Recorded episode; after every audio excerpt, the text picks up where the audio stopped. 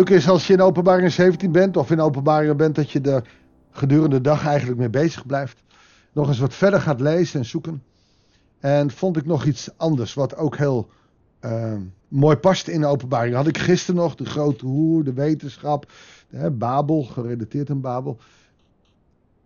Daar iets wat genuanceerder en iets anders over nagedacht, zou je ook kunnen zeggen. Het mannelijke is de Babel, is de politieke eenheid. Dat is de buitenlanden, de grote legermacht die uh, tegenovergesteld is van Israël. Dat is het beest. En het vrouwelijke in het hele verhaal, die vrouw, hè, de hoer, is de valse religie. Dat is de grote hoer. Dus uh, deze uitleg past voor mij ook heel goed. Ze mogen voor mij alle twee. Soms weet je niet helemaal goed wat wat is. Maar het is ook een hele mooie uitleg om te zien dat Babel de grote legermacht is. Uh, de grote tegenover van Israël. Maar de valse religie, en dat is breder dan die van Babel. Dus de vrouwelijke Babel is de valse religies, de valse godsdiensten die vanuit de hele wereld komen. En die komen ook op ons af. Dus de grote hoer is ook de leugens over religie die we in deze tijd meemaken. En het dienen van andere goden, en dat weten we uit, eh, uit koningen nog, uh, wordt door de profeten in het Oude Testament vergeleken met hoererij. Dus dan zou het de link ook naar de profeten hebben. En, dat is natuurlijk een gruwel in de ogen van God, waar, uh, waar door Paulus, eh, Christus en zijn bruid, de gemeente, uh, niet, niet mogen vereenzelvigen.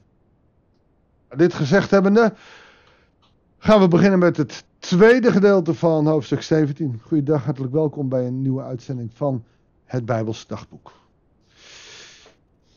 Midden in het gedeelte, en ik ben er gisteren mee geëindigd, ik ga er vandaag mee beginnen, staat erop, hier komt het aan op wijsheid en inzicht. En dan gaat hij uitleggen. De zeven koppen zijn de zeven heuvels waarop de vrouw zit. Um, dat de Roomse kerk hiermee bedoeld werd, had te maken met dat Rome op zeven bergen zou zijn gebouwd. He, ver gezocht, maar uh, de heuvels waarop Babel is ge, gestoeld, oftewel de vijand, en daarop ligt de wijsheid van de afgodendienst. En het zijn de zeven koningen, vijf van hen zijn omgekomen, één is er nu en de laatste moet nog komen en het zal maar kort blijven. Dat is een profetie over uh, de koningen van Babel. Het beest dat was en niet is, is zelfs de achtste koning. Al is het een van de zeven en het zal vernietigd worden. Nou, je ziet dus dat God hier zegt, um, die koningen komen, maar ze zullen vernietigd worden. Dat die komt is angstaanjagend, dat die vernietigd wordt is troostend. De tien horens die je zag zijn de tien koningen die nu nog geen koning zijn, maar straks samen met het beest voor één uur koninklijke macht zullen krijgen. Oftewel voor een korte periode. Er zijn dus mensen die voor een korte periode de macht krijgen. Nou, is dit nou een profetie over iets wat geweest is of wat nog komen moet? Belangrijkste is dat deze koningschappen vernietigd zullen worden. Ze hebben allemaal hetzelfde doel voor ogen en dragen hun macht en gezag over aan het beest. Wat je nu bijvoorbeeld hebt, de Great Reset, ik weet niet of je ervan gehoord hebt. Uh, heel veel rijke mensen willen een universeel, uh, is eigenlijk een soort communisme, universeel gebeuren. Wat natuurlijk stinkend gevaarlijk is, omdat ook daar weer, net als het communisme, er een paar, en dat zijn in dit geval die rijke mensen, het gezag hebben. Dat betekent dat de armen het altijd moeten, het onderspit moeten delven. Great Reset, als je puur de theorie ziet, is het best mooi. Het communisme, puur theoretisch, is mooi. Soms zeg ik wel eens, Jezus was eigenlijk de grootste communist. Die wilde alles delen. Maar het kan niet bij mensen, want er zitten altijd mensen aan de macht en het touwtje trekken die meer willen en alles voor zichzelf willen. En deze koningen die dus niet in God geloven, maar het teken van het beest dragen. Ze binden de strijd aan met het lam, maar het lam, de hoogste heer en koning, zal hen overwinnen.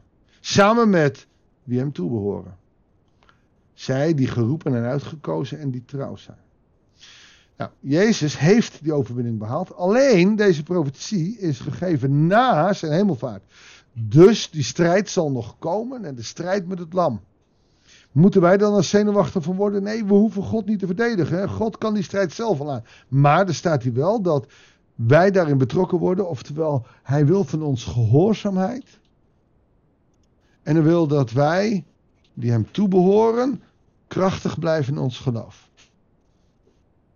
De waterstromen die je zag, zei de engel, waar de hoer aan zit, zijn vele landen en volken van elke taal. De tien horens, die is, dus het is breder dan een volk als Iran of eh, Syrië die Israël aanvalt. Nee, het is veel breder, volkeren. De tien horens die je zag en het beest zelf, zullen een afschuw krijgen van de hoer en ze zullen haar te gronden richten. Je ziet hier dus dat zelfs het beest, dus de macht, de, de, de, ook de verkeerde theologie en de, gaan ontkrachten. Ze zullen haar uitkleden, haar vlees eten en haar in brand steken. Oftewel, er is strijd, geestelijke strijd, zelfs onder de verkeerde machten en godsdiensten. Want God heeft hen er toen aangezet om zijn plan uit te voeren, zodat ze allemaal hetzelfde doel voor ogen en hun macht aan het beest overdragen. Hij wil dus alleen de strijd daar. God wil alleen de strijd met het beest.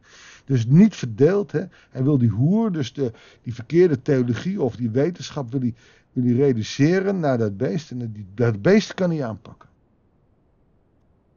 Tot wat God gezegd heeft werkelijkheid wordt. Oftewel, dat zijn de profetieën die we gelezen hebben in de voorgaande hoofdstukken. En daar zit altijd die van het komt wel goed. Als je rechtvaardig bent, zul je gered worden. De vrouw die je zag is de grote stad die heerst over de koningen op aarde. Nou, dat is in dat geval Babylonië. Je zou daar ook de Great Reset kunnen gebruiken. Je zou daar ook kunnen zeggen, dat was Hitler, die probeerde ook een grote rijk te maken. Het mooiste voorbeeld vind ik dat het Duitse Rijk vijf jaar lang geregeerd heeft en uiteindelijk aan zijn eigen waanzin verloren is gegaan. Dus het beest heeft zelfmoord gepleegd omdat hij het niet kon redden. Ook dat vind ik bemoedigend. Dat betekent niet dat ik geen verdriet heb om die 6 miljoen Joden of al die Nederlanders die vermoord zijn. Dat vind ik verschrikkelijk. Wat het beest doet is verschrikkelijk.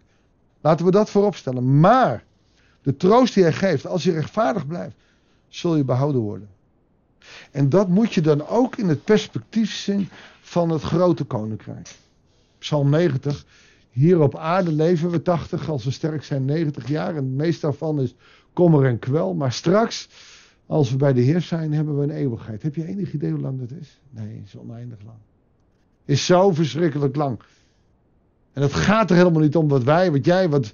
Maar het gaat erom dat, dat we dan die eeuwigheid hebben. En dat is niet een cliché van, oh, stil maar wacht, maar kom wel een keer goed. Nee, ik, ik zie ook de ellende, ook die in openbaringen wordt gesproken. Die ellende is er echt wel, die is er nu al. En die zal in sommige gevallen nog erger worden. Maar de oproep is: houd je vast aan God. Wees rechtvaardig. En soms wordt dat ons heel moeilijk gemaakt. Niet alleen in, in landen als Korea, China, maar ook in het Rijke Westen. Je moet eens weten hoe groot de invloed is van uh, het kapitalisme op ons geloof. Waarom zou je in de eerste wereld, hè, we hebben de derde wereld, de armoede, maar de, de, de, de grote economische grootmachten, Europa, Amerika, waar heel veel landen zijn die, die een goede welvaart hebben. Hoe zou het komen dat daar de kerken achteruit drijven? En daar in China, waar economisch heel moeilijk gaat en waar mensen gewoon beknot worden, daar zoeken ze naar God. Zou het dan echt nodig zijn dat we het hier slechter krijgen en dat we dan weer naar God gaan? Ik hoop het toch oprecht niet. Maar het kan wel betekenen dat er wel zoiets weer gaande is. We hebben het hier in het Rijke Westen nog te goed. En we hebben geen idee hoe dat, hoe dat regime van het kapitalisme, en wat eraan komt ook de Great wat voor invloed dat heeft op ons mensen. En ik ben ook geneigd mijn kop in het zand te steken dat niet te willen weten. Toch is het wel van belang, ook als je openbaringen leest, dat er hele grote machten aan de orde zijn. Het zijn nu hè, de mensen van de Great Reset, dat zijn de, de, de, de, de, de rijken van Amerika, zeg maar. eh, die allemaal met mooie plannetjes komen. Maar uiteindelijk is het ook de hoer Babylon, oftewel de valse godsdienst. Uh, en, en is het ook het beest wat gaat regeren. Kijk uit dat je daar niet in meegaat. Kijk uit dat je Jezus Christus blijft beleiden. Maar dan ook van hem gaat getuigen. Want daarin zal ook je eigen kracht gaan liggen. Als je zelf dat beleidt en dat ook van getuigt in de wereld. Dan zal je zien dat God groot wordt in je leven. Laten we dat ook gewoon gaan doen. Laat dat de oproep zijn die we nu uit de openbaring halen. Dat steeds meer mensen weer gaan geloven. Dat de mensen die kil en koud zijn geworden door het kapitalisme, door het geld, dat ze, ja, dat ze weer op zoek gaan naar God. En dan zoek dan maar eens een andere kerk op dan ze gewend waren, want daar zijn ze vaak ook kapot gemaakt. Maar, maar zoek en vind. Want God laat zich vinden voor hen die zoeken. Mag ik voor je bidden? Heere God, deze wereld gaat aan alle kanten kapot. Heel veel egootjes in deze wereld denken dat wij het allemaal wel kunnen.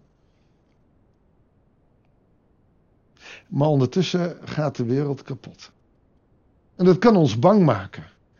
Ik wil u danken dat openbaringen ook steeds die uitzicht geeft. Dat als we rechtvaardig blijven, als we naar de rechtvaardige, namelijk u, Heere God, door Christus Jezus, werkelijk waar mogen zien en ontdekken wat, wat er gaande is. En dat, dat we ons op u mogen richten, dat u ons zal behoeden. Dat we samen met u die strijd gaan, met de, met de leger, de lege scharen vanuit de hemel, Heere God, daar kan niemand tegen. De Great Reset kan niet bestaan als u daar tegenop staat. Daarom roepen we, Heere God, ook vandaag, ook als we dit lezen, als we om ons heen kijken dat het helemaal niet zo lekker gaat in de wereld, Maranatha, kom spoedig. Kom spoedig op de wolk, Heere God, zodat wij u mogen ontmoeten, zodat deze wereld aan zijn eind komt en dat er een nieuwe hemel en een nieuwe aarde komt. En tot die tijd, Heer, geef ons het lef om te verkondigen van uw liefde, van uw genade, van een God die barmhartig is. Heer, help ons daarmee. Dat bidden we u in Jezus' naam. Amen. Dankjewel voor het luisteren. Ik wens je God zegen en heel graag tot de volgende uitzending van het Bijbelsdagboek.